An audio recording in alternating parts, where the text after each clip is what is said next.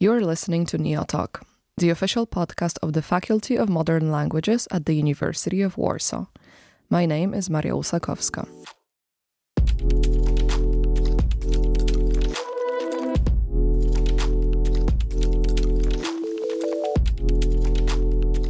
If you've ever read a novel by Cormac McCarthy, after finishing it, it probably stayed with you for a longer time. It might have been because of his original writing style, the graphic descriptions of violence, or the questions about good and evil that he asks. Today's guest, Professor Steven Frye, is here to explain why McCarthy's novels have such a huge impact on their readers and how McCarthy, underneath the adventurous Western plots and settings, is a deeply philosophical writer. Professor Frye is department chair and professor of English in the Department of English at California State University, Bakersfield. He's a renowned scholar of American literature, more specifically, the American Romance tradition and literature of the American West. He received the 2019 California State University Bakersfield Award for Outstanding Research, Scholarship, and Creative Activity. He's the author of several books on Cormac McCarthy, and he's also president of the Cormac McCarthy Society. Professor Frye visited our faculty in November and taught a course on the birth of environmental consciousness in American literature, a topic that we also explore today. Please enjoy my conversation with Professor Frye, who was kind enough to share bits of his knowledge with me.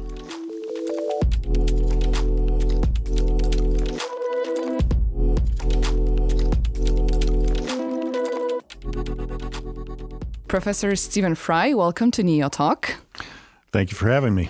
So, you've come to Warsaw to teach a very interesting course on American Renaissance and the birth of environmental consciousness. And I think we should discuss this topic as well at some point. However, I would like to start this conversation um, with what seems to be your main topic of interest, and that is the work of the unfortunately recently deceased writer Cormac McCarthy who is considered by many one of the most important American writers of the 20th century.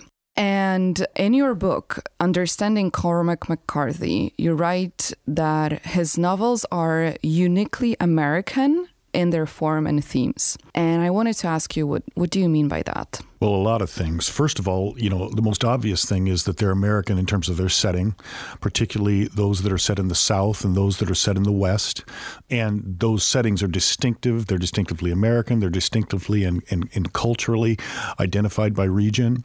Uh, and that's certainly one feature and the most obvious feature that makes, you know, him an American writer. Uh, but the other thing might be his emphasis in some of his novels on challenging certain fundamentally American myths, particularly the West and the South, uh, those kinds of mythic figures that emerged out of an, a uniquely American tradition. And finally, there is a strong emphasis on work.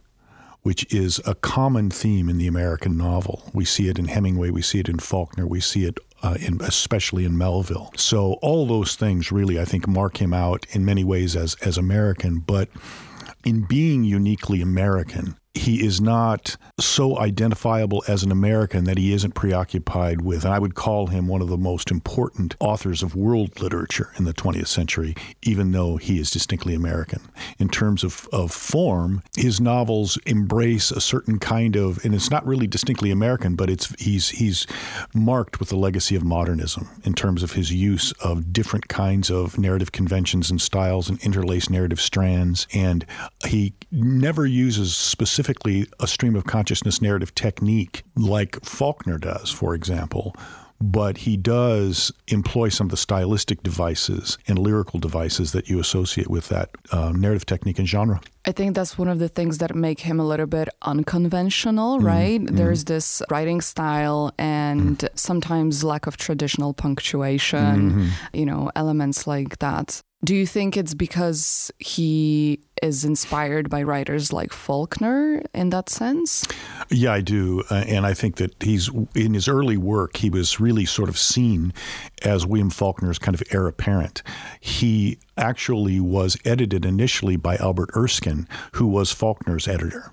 Uh, and so there is a sense in which Erskine was sort of seeking out the new uh, late 20th century Faulkner. Um, he ends up tr- transcending that influence in a significant way, and he, he Faulkner is one of his favorites in terms of influences, but his his favorite is Melville and secondarily Dostoevsky. So there's a rich range of influences that are threading their way through his works. And stylistically, there's also a blend of Shakespearean cadences, Jacobean cadences. So the King James Bible is very much influencing how he writes, and uh, he's just very interested in in orchestrating prose in a very lyrical and poetic way.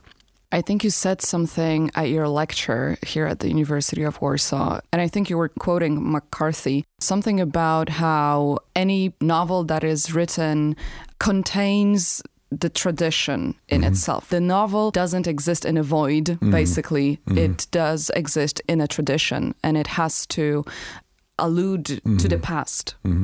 Absolutely. Uh, he says in his first interview with Woodward, he says that the ugly fact is that books are made out of books. The novel takes its life from the books that have been written.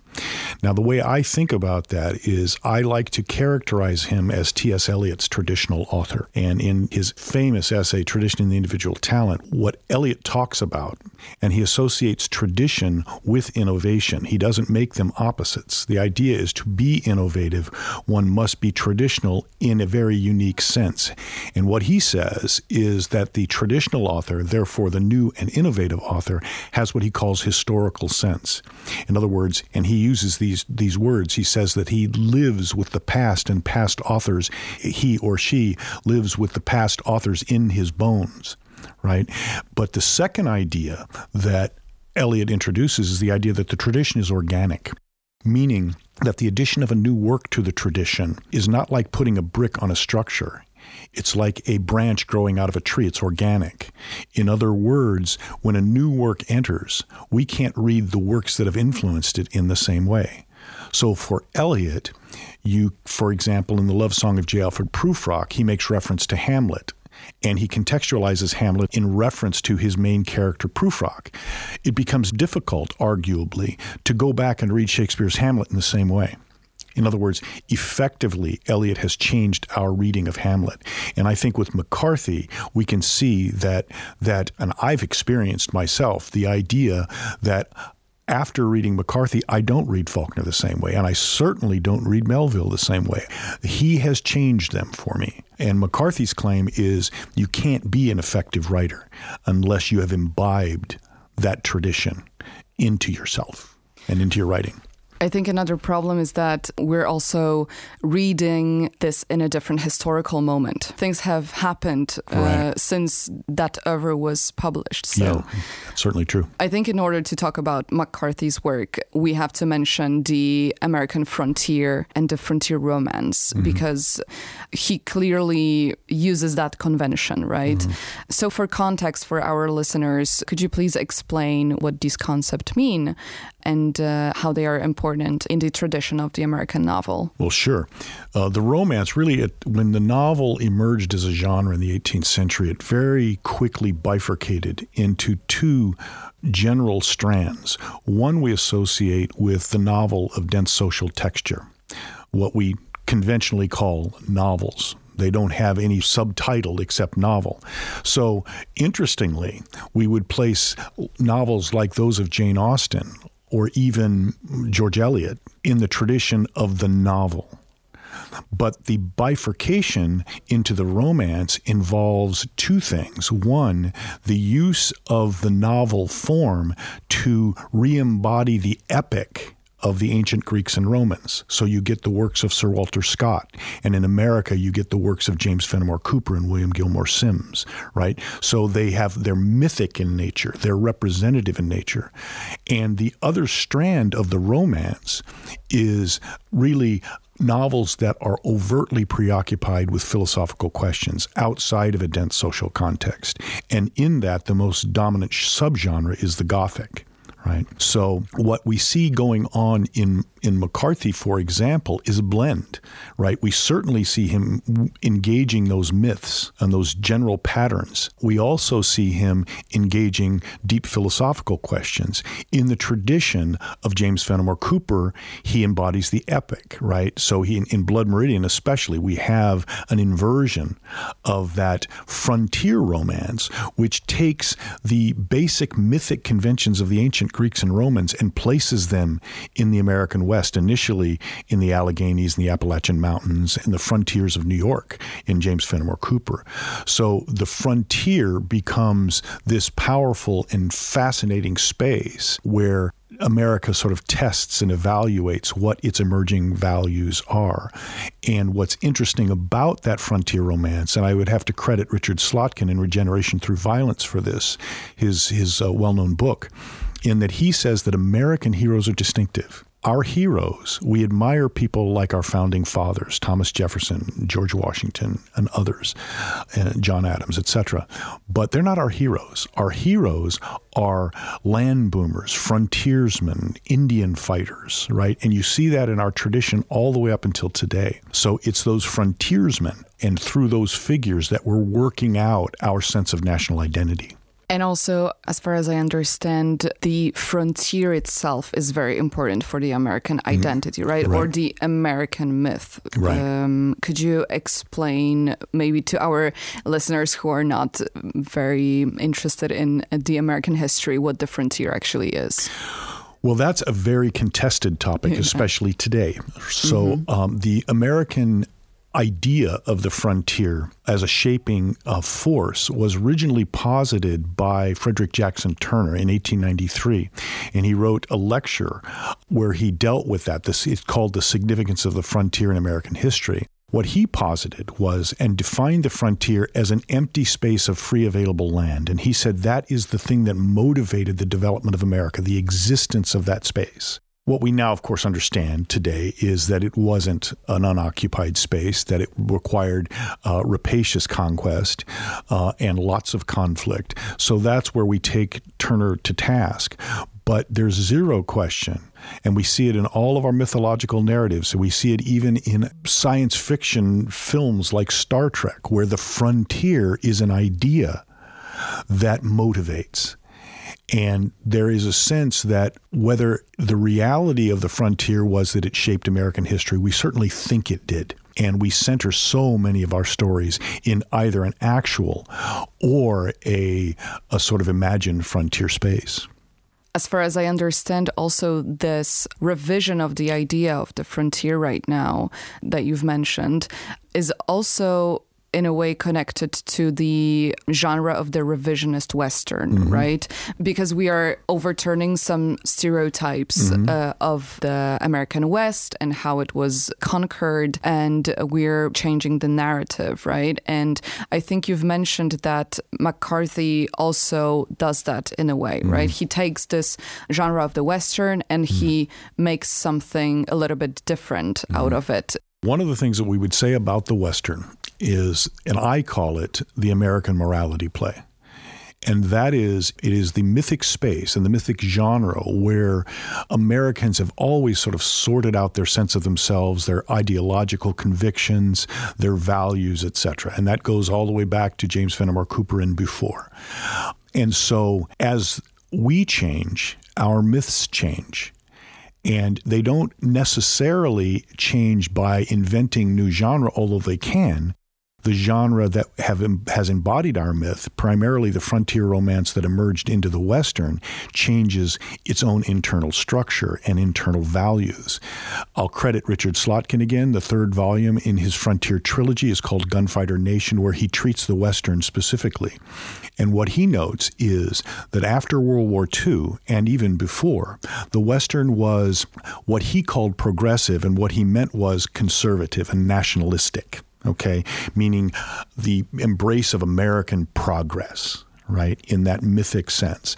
So you had characters who were violent and were brutal, but they were rendered in such a way that we respect them and we like them and we want to be like them. The John Wayne figure, the character, and that's not his name, his name is Marion Morrison. So the John Wayne character that transcends is his individual films becomes an embodiment of that positive myth of the West. And we can see how that would happen coming out of, of a war, a conflict where we suffered in America, but nothing like you suffered in Europe. And so we could sort of be very proud of ourselves right? We weren't rebuilding our cities, right? And it makes sense. And then the Vietnam War hits and the civil rights movement hit. And people begin to question that optative, democratic, progressivist sense of what America is. Our sense of nationalism is rendered problematic, and the Western changes the Western hero emerges first in the Italian director Sergio Leone through the figure of Clint Eastwood, but even before in the films of Sam Peckinpah, for example, uh, you start to get the heroes that are self-serving. They're not serving others.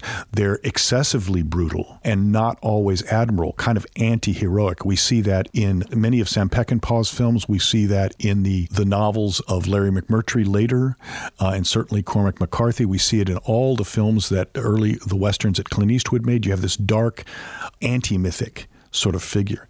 So McCarthy is in Blood Meridian especially, but even in the Border trilogy certainly is trying to work underneath that myth, not necessarily from a politically liberal say perspective, but uh, from uh, the perspective of of a of a hard, unflinching realist who wants to challenge the myth and show its dark undercurrents. Um, and again, uh, he does it by using the Western and Blood Meridian. He just called it, while he was writing it, he would refer to it as his Western. So he's very aware, uh, I think, of this revisionist impulse. So, if the Western expresses what America thinks of itself, right? Mm-hmm. What does McCarthy's Western say about his contemporary America? Well, it's very complicated, right? Of course. yeah. And first of all, he pretty clearly wants to challenge the idea that the space that we call the frontier, and remember the novel is set in 1849, that the space we, we refer to or think of as the frontier was previously occupied, but it was not uh, previously occupied by a beneficent, benign, peaceful people. He's very, very careful to render Native Americans as richly complex. The Comanche are brutal, as are the Apache, but many of the other tribal entities that he encounters are very peaceful. So he's not revising the Western in the direction of a different politics so much as he's revising the Western to undercut and move us out of or to scrutinize the myth in a realist context. And so it's a deeply and well researched novel. So, in that context, that's what he's doing. And he's not overtly political in any in any specific way. But part of what he wants to point to is that the West was a space like a lot of spaces in the world, of unremitting violence. That that's a characteristic of American history, but for McCarthy, it's characteristic of the world.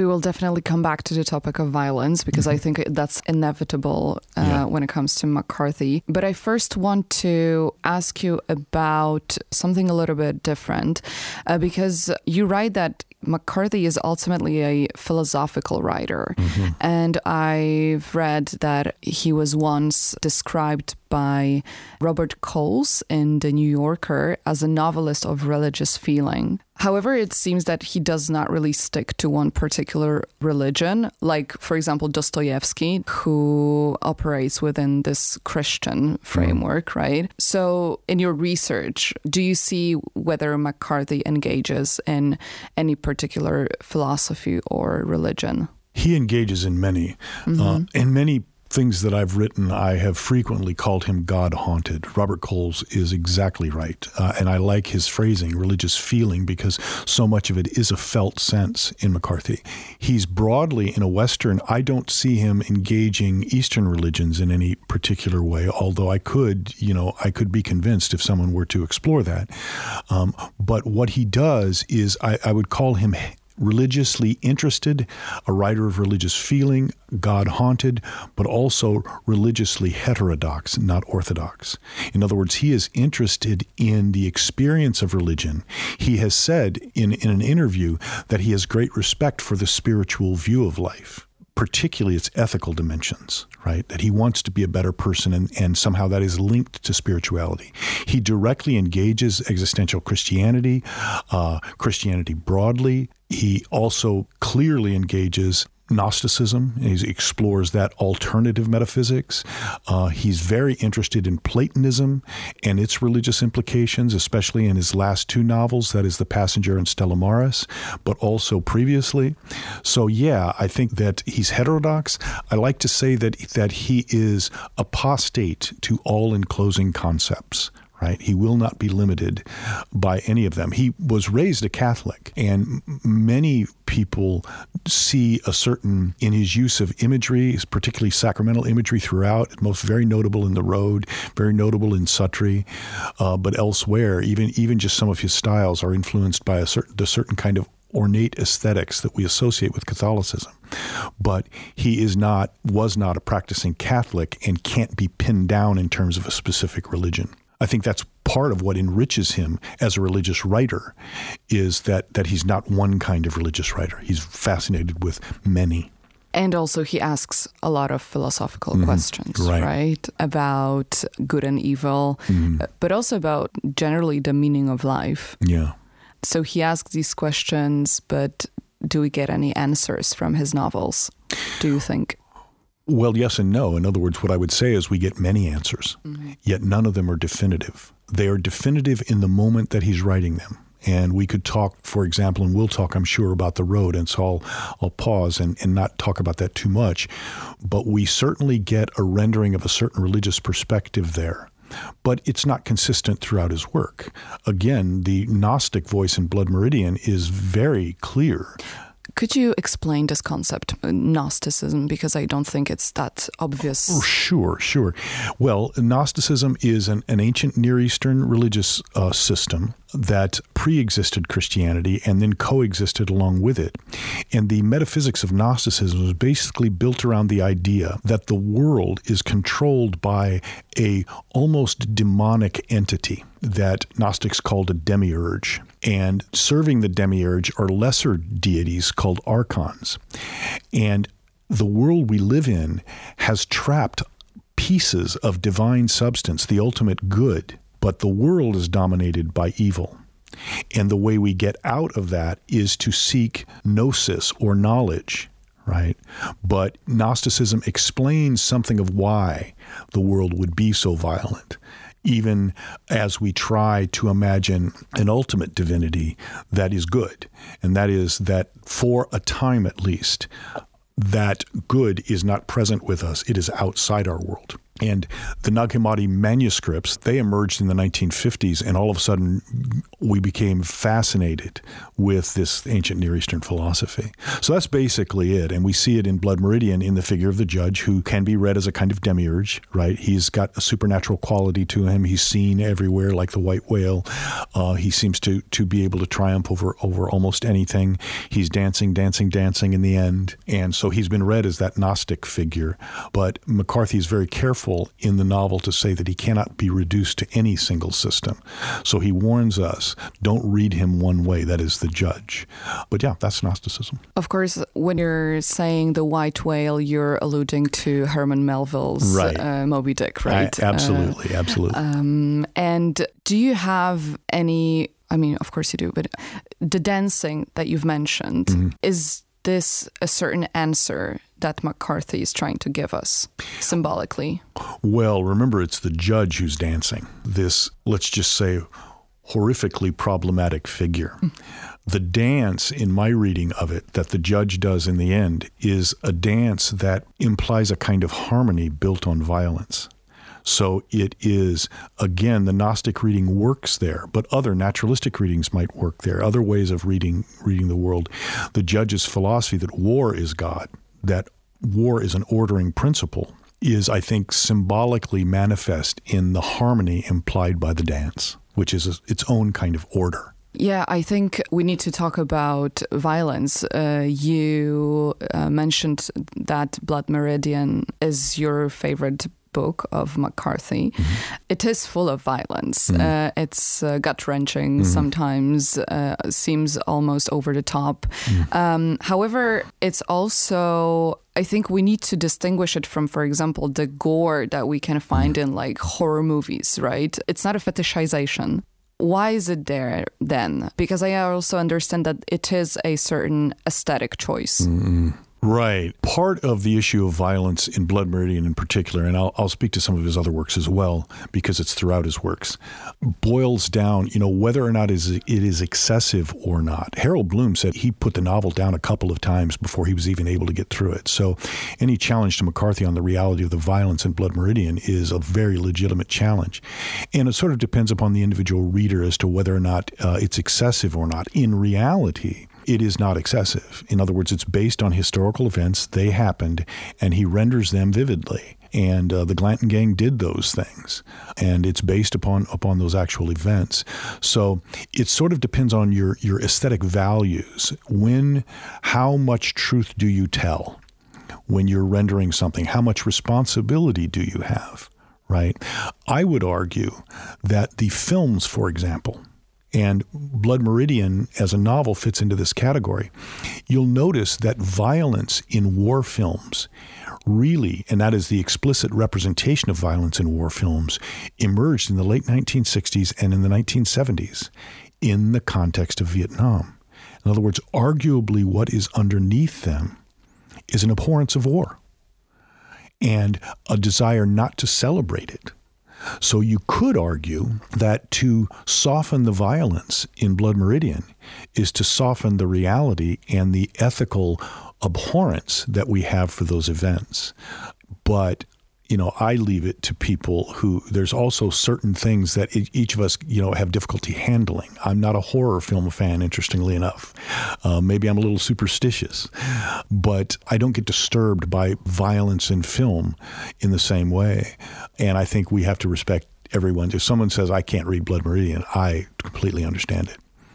Personally, for some reason, I think it is the violent books that stay with me for a mm. longer time than the film images. Mm. I think from like a psychological point of view, I would say that it's maybe because it's when I'm reading, it's my own mind that produces mm. those images, and they are in a way stronger, yeah. you know, because they come also from me. But um, also mm, speaking of that darkness and well we're trying to to find a meaning i think and uh, i think you're right that it is in this darkness that it is possible to find meaning mm. and value and for me when i was reading your your texts i think it was a little bit hard to accept mm-hmm. that in these really unsettling extremely mm. dark images we are supposed to find something meaningful and we're supposed to find an answer to uh, the question of the meaning of life mm. because i think the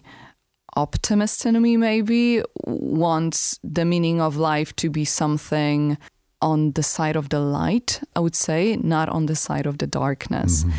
But I guess it's a certain philosophy that mm-hmm. McCarthy has, right? Like we don't have to agree with him, I guess. No, we don't. Well, what I what I would say first of all, and I'll refer to any number of his books in this context, that McCarthy doesn't render anything that doesn't exist in the world. So in his second novel, Outer Dark, you have incest that occurs. That exists in the world. In his third novel, you have necrophilia. That exists in the world. You have a group of bereft, drunken drifters in Suttree. That exists in the world. The events in Blood Meridian happened in actual history. And certainly the cataclysm of the road is something we're all acknowledging increasingly is a potential out there that we would all acknowledge. So I think that what McCarthy would say, and I would very much agree with him, is that you most of us are isolated from these kinds of events, but that doesn't mean that they don't exist. And so if we constitute hope outside the context of those events in our own safe space, right? I would argue, and he would argue, that we're constituting hope on the cheap that if you want a resilient, stalwart hope, you have to go to those places and see if you can find it there. And my argument, and of course, the, if you can't, you can't, but my argument is he does so frequently find it. So you have this community of urban drifters in Suttree that become a community and they care for one another and that capacity for human connection is there. You see the kids' uh, rebellion, which I read, and the judge reads as a legitimate rebellion. He says, You alone were mutinous in that you held in your in your heart some corner of clemency for the heathen.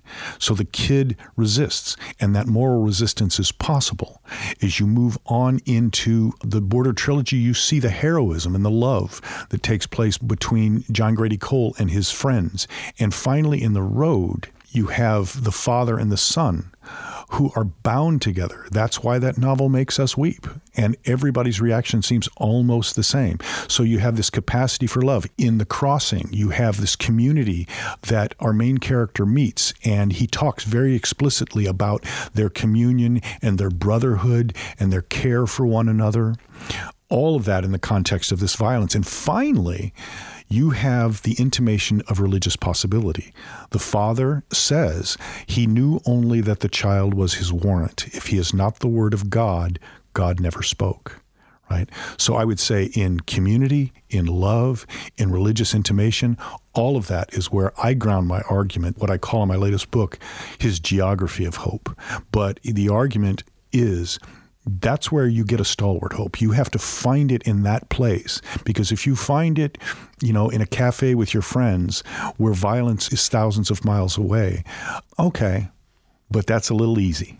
Right. Yeah. You basically answered my next question because I wanted to ask about that hope. And because otherwise, if, if it wasn't for that hope, I think we could just easily accuse him of nihilism, right? Mm-hmm. He would just be a nihilistic author mm-hmm. who just writes about the sins of humanity and mm-hmm. how the world is basically doomed, right? Mm-hmm. Uh, also in that moral sense to be fair, there are schools of thought on McCarthy. I don't, you know, I'm the one you're talking to, but I think it's safe to say that my perspectives, I'm not the only one that has it. I'm not the only one that's articulating this argument about hope and possibility and meaning, but it's the most dominant perspective among McCarthy scholars now.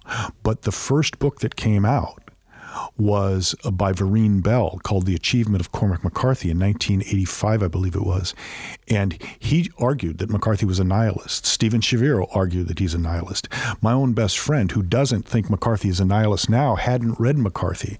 He's a provost at uh, University of North Carolina, but we were sharing a hotel room and he was reading Blood Meridian for the first time in preparation to listen to my talk. He closed it up and said, That's the most nihilistic book I've ever read right?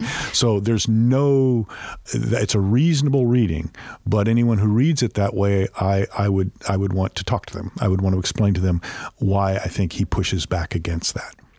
Also, because if we consider this idea of hope and religion, I think it renders McCarthy more interesting, mm. right? I think there's a lot of uh, nihilistic literature out there. Yeah. And it's in a way I don't want to say that it's very easy to write this kind of uh, literature, but yeah. certainly easier than asking deep philosophical right. questions, right? Yeah. I was kind of wondering because I, I read a little bit about McCarthy's life, and it seemed to me pretty ordinary in a way, mm. apart from the fact that he became very, very famous uh, mm. at some point in his 50s, right? But maybe you, as someone, as an expert on him, uh, do you maybe see where all this darkness could have come from? Well, I would only be able to answer speculatively, right? Because a lot of it has to do with the recesses of an individual personality. But McCarthy said that when he was a child in school, that he had every hobby there was. And other people didn't have them, but everything interested him. And you can see as he grew up that one of the things that interested him was reading, which is one of our only ways of encountering the world. And in his reading, he was necessarily exposed to the truth of the world, and that is that there is violence and brutality and death and all those things, and there is love and decency and goodness, and they are constantly in conflict. So I think it's not born out of his experience per se, but except insofar as he's a seeker. And that's the world that he confronted. Not a world that's defined by violence. That would be the judge's perspective. But a world that is imbued with it as it stands in conflict with moral machinery, ethical perspectives, and decent people. Just this morning, I read James Baldwin's essay, Everybody's Protest Novel, and in it he uh, talks about the truth. And basically, he says that the truth is the complexity, right? Mm. And the complexity of humans. So, basically, what you're yeah. talking about. Right. Of course, I want to talk about The Road because it's, uh, you know, a Pulitzer Prize winning novel, mm. but also I think it's one of his most popular. Mm-hmm. Um, and as many people, it's a, it's a book that impacted me emotionally mm. very much. Uh, maybe also because I read it right at the start of the pandemic. Mm. So I think it was probably one of the worst uh, mm. possible moments to mm-hmm. read it. But well, here I was. You know, it's crushing at times. I would say for those who haven't read this novel, I would also describe it as a novel where actually there's not a lot of events, mm. not mm. much happens, mm. but there are certain images, and I would say that there are like two or three scenes in this novel that are incredibly disturbing. Mm-hmm. And I think they're even stronger because they are perceived through a, a young child's eyes, right? But as we've mentioned here, it's an important read for many people. Why do you think that is? Well, because he is in a very, very simple, and I mean that in the best sense, in a, in a, in a very simple way, placing an almost transcendent love that becomes material in the Father and the Son. And he's placing that up against the possibility of world annihilation and what in the end does that all mean? Right? So, violence in the road as it confronts this redemptive possibility is not simply the violence of, of the cannibals as they attack people, it's the violence of whatever happened to the world. And we don't know. We don't know if it was a striking of a meteor or if it was some sort of atomic blast or some other kind of environmental disaster. We know it happened in an instant, right? That's all we know. But I think it's compelling to us because we know about this potential. We know about our potential for both positive and negative reactions to our experience. And it brings us all to a very existential space where we say to ourselves, Who am I? And what ethical path do I want to follow? Because violence does not necessarily have to be the kind of horrific violence we encounter in his work. We can be violent in minor ways in any way that we hurt someone. And it brings up those fundamentally ethical questions about what kind of person do I want to be? How do I want to interact with others? And what kind of sacrifices am I willing to make? We've talked about hope, right? So, mm. where do you think hope lies in the road? In the road. Well, first of all, it lies in the fact that the man and the boy can have this reaction to each other, this love for each other. But I think that ultimately your question about religious feeling is the road is deceptively complex or deceptively deep, not so much complex.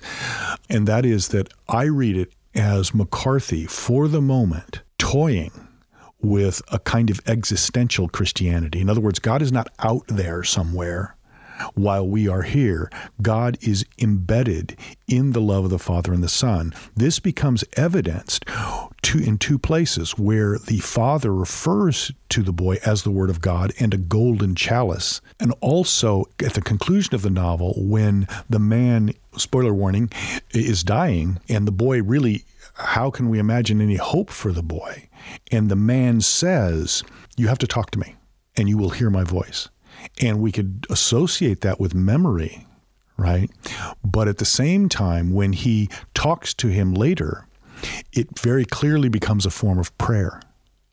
So there is this religious possibility built in there. And originally, folks were reading the landscape as a kind of metaphor for a cosmological void. In other words, they were reading it in an atheistic direction. But I don't read it that way, and I think a lot of people don't read it that way, that the landscape is in fact a wilderness.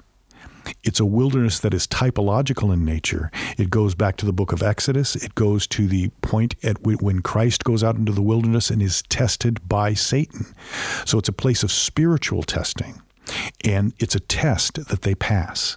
And they pass it because the man responds to the boy's desire to be kind to others, even though it goes against every instinct he has to survive. And ultimately, the boy does find a home. Where that will ultimately lead is a vexing question. Yeah, the last word in this book is mystery. That's right. right. That's right. That's exactly right. You've mentioned this, but I wanted to talk about the surroundings in this novel because, as we know, the landscape there is completely empty. Nature is dead. There are no sounds, also. I think there's silence. And it's a hostile environment because in it, life has to be sustained completely artificially, right? Mm-hmm. Nothing grows. Mm-hmm. So, I mean, you mentioned that you don't think that the landscape is a metaphor right? Did I understand? Well, no, I, I, don't think it's a simple metaphor. I okay, think it's an elaborate right. figurative rendering of a typological landscape. What does that mean? Oh, good. Yeah, I'm glad you asked that question. yeah, typological landscape really it's it's typologic typology is, is a method for reading the meaning into and creating coherence in the biblical text. It's a medieval practice. The idea is that the American Puritans looked at the Exodus, that is the movement from Egypt into the wilderness and finally to the promised land as a pattern and that pattern was reflected as it happened over 40 years in an antitype in the New Testament, where Christ goes out into the wilderness for 40 days and 40 nights, where he is tested. And originally, the American Puritans saw their movement here as a further antitype, a developmental antitype into their own experience. They were like the Israelites. So, this typology is a way not only of reading the Bible and seeing its pattern and its coherence, but of reading our own experience. And so if we read the road typologically, we read that landscape as a place of spiritual testing that will ultimately, if you pass the test, lead to a kind of delivery. And that's the pattern that takes place in the road. Do you think it's also quite literal warning about the climate crisis? I absolutely do. Or it's not only a warning about the climate crisis, but it's a warning about our propensity to violence and our potential for using it in terms of, of a nuclear disaster. The literal possibilities uh, that he presents us with is either a meteor or an atomic bomb. So, what happened didn't happen because of climate change in the novel, but the landscape we experience could be or could happen alternatively from that. You know, McCarthy was a resident and a fellow at the Santa Fe Institute for 25 years and was still in Santa Fe when he died. And he wrote their mission statement. And in it, as he's inviting people to submit proposals, he says, We don't typically engage in political activity, but if you're interested in things such as sustainability, we invite your proposals. So clearly, he is concerned with those things. He was also a very good friend of the environmentalist writer Edward Abbey. So I think there's zero question. He would follow the science, he would see what the science is saying about the climate, and he would see this as our potential, one way that we might potentially destroy ourselves. I also remember reading about him that he was a very science oriented writer. Mm-hmm. He also hung out a lot with uh, scientists. Mm-hmm. And I think I want to continue a little bit in this direction of the landscape and the let's say environmental consciousness uh, right because as we were talking about the american frontier we've mentioned how mm. the the wilderness was very important to the american myth and mccarthy comes from a tradition of writers but i think what we call the environmental consciousness is something that is relatively new mm. however you have taught a course here, by the mm. way, at the University of Warsaw about this consciousness coming from actually 19th century literature, right? Mm-hmm. It is uh, something that we can trace back mm-hmm. uh, to the works of such authors like Thoreau or, or Dickinson or Poe. Could you talk a little bit about that? Sure, yeah, that's the basis of what what I argue and claim in my course, and I think it's fairly clear that if you read Emerson's Nature, you read Thoreau's Walden, or any number of other works. What we have are the American transcendentalists. And their basic idea is that they're sort of radical Unitarians, meaning that they're not, they don't believe in a personal God in precisely the same sense that the Orthodox Christian tradition does, but they believe in a thing called an oversoul that embodies and imbues nature. And since we are a part of nature, we have a piece of that soul within us right? And so you see them talking about nature, its value, its divinity, and you see them already beginning to respond to the Industrial Revolution, particularly Thoreau responds to the Industrial Revolution with a sense that it is problematic. In Walden, Thoreau will argue that we need to simplify, that things can just as easily own us as we can own them. And you see him talking about the sustaining power of nature in direct response to the Industrial Revolution. And we know that Thoreau and Emerson in particular were a direct influence on John Muir. You wouldn't have the American National Park System which John Muir initiated, without those two writers, especially those transcendentalists. And we know that Muir is a foundational figure in early modern or early environmental sensibilities. So that's, I think, the birth of it. And in the case of McCarthy, of course, we've talked about how the road is a, in a way, a direct response, right, to mm. to these concerns. But is there anything else that we can see in his novels uh, when it comes to this uh, environmental consciousness? Well, the first thing we see, there's a certain objectivity to McCarthy. He's he again is not overt in any kind of political program or agenda, but what he does is he renders even the most harsh natural landscapes with a tremendous beauty.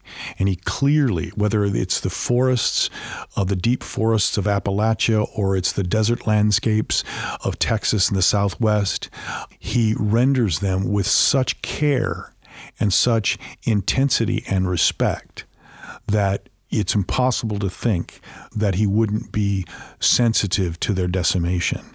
So, simply in that, I would place him in the tradition of more of Melville because he's a religious seeker and he's not certain of the truth of any kind of religious position.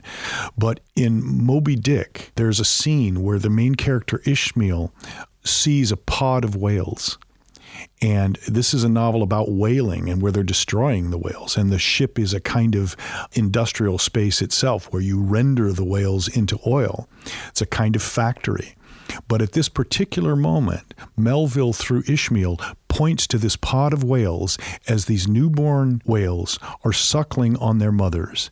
And he embodies it with such beauty and he personifies them as he sees them looking out and through him into an immortal space. So in that's the sense with a certain guarded respect for nature, not so much a guarded respect for nature, but a a love of nature that is not bound to a political program. I place McCarthy in that tradition, although I think he's quietly politically committed, was quietly politically committed to sustainability. We know that. I have one more question, and it comes from a pretty personal place. Because when reading McCarthy, we can get an impression that it's a very male centric literature. Mm. It has a certain masculine sensibility. And I think it would be also difficult to expect from a man who was born in the first half mm. of the 20th mm. century to have a different sensibility. But as I'm saying, I'm, I'm talking from a perspective of a woman, obviously. I wasn't really drawn also to his work until I was in my mid 20s. And because his books seemed catered towards a male audience, mm-hmm. also aesthetically when you look at the covers. But yet, the themes that he's writing about mm. are so universal. And I am also interested in these themes of, mm. you know, good versus evil and this dichotomy and, uh, and you know, maybe religion, interested mm. in asking philosophical questions. So I'm not sure what I'm asking, to be honest. I, I'm just uh, thinking maybe, do you have a response to that? Uh, first of all, he can be taken to task for his representation of women. Uh, right. Uh, and, yeah, and, that's and some, another thing. Yeah, mm-hmm. some people some people have not so much his unfair or inaccurate representation of them so much as the fact that he doesn't deal with them much. Now, he himself says in the Oprah interview, he said he's asked that very question and he says that he doesn't understand women. Now, I respect his honesty in that regard. I think he's being genuine there. But I'm also not entirely certain what that means right? In other words, gender is a contested concept. What it means to be, to have a feminine sensibility or, or a masculine sensibility is at least challengeable. Right? Of the course. world of horses, for example, in the United States is dominated by women right? Even though they don't figure in his novels so much, right? So Nell Sullivan has actually done a lot of work on gender in McCarthy. And I think that her work better answers your question because she deals with, with the representation of women. But I think in the end, I think the reason mm, there are many the current. I was president of the Cormac McCarthy Society for for almost 15 years, and I decided it was somebody else's turn, and I handed it over to my vice president, Stacey Peebles at Centre College, and the current vice president is Lydia Cooper, and there are many others. So, what is it about the fact that he's really drawing an audience of women and an audience, a scholarly audience of women, and I think that my speculation, and I, I, don't feel strongly about this, is he's just not all that preoccupied with gender. He writes about what he knows and about his own experience. And it turns out that what he manages, I think, to communicate once we sort of penetrate the veil of men working and men on horseback or men doing this and men doing that, is that ultimately what he's about are the philosophical questions the fundamental questions that transcend gender. And that's why he does have, in the end, a great appeal to both genders. I think I can accept that, that speculation. Thank yeah. you so much. Professor Steven Frye, thank you so much for this conversation. It was a pleasure. Thank you. Thank you very much for having me. It was a lot of fun.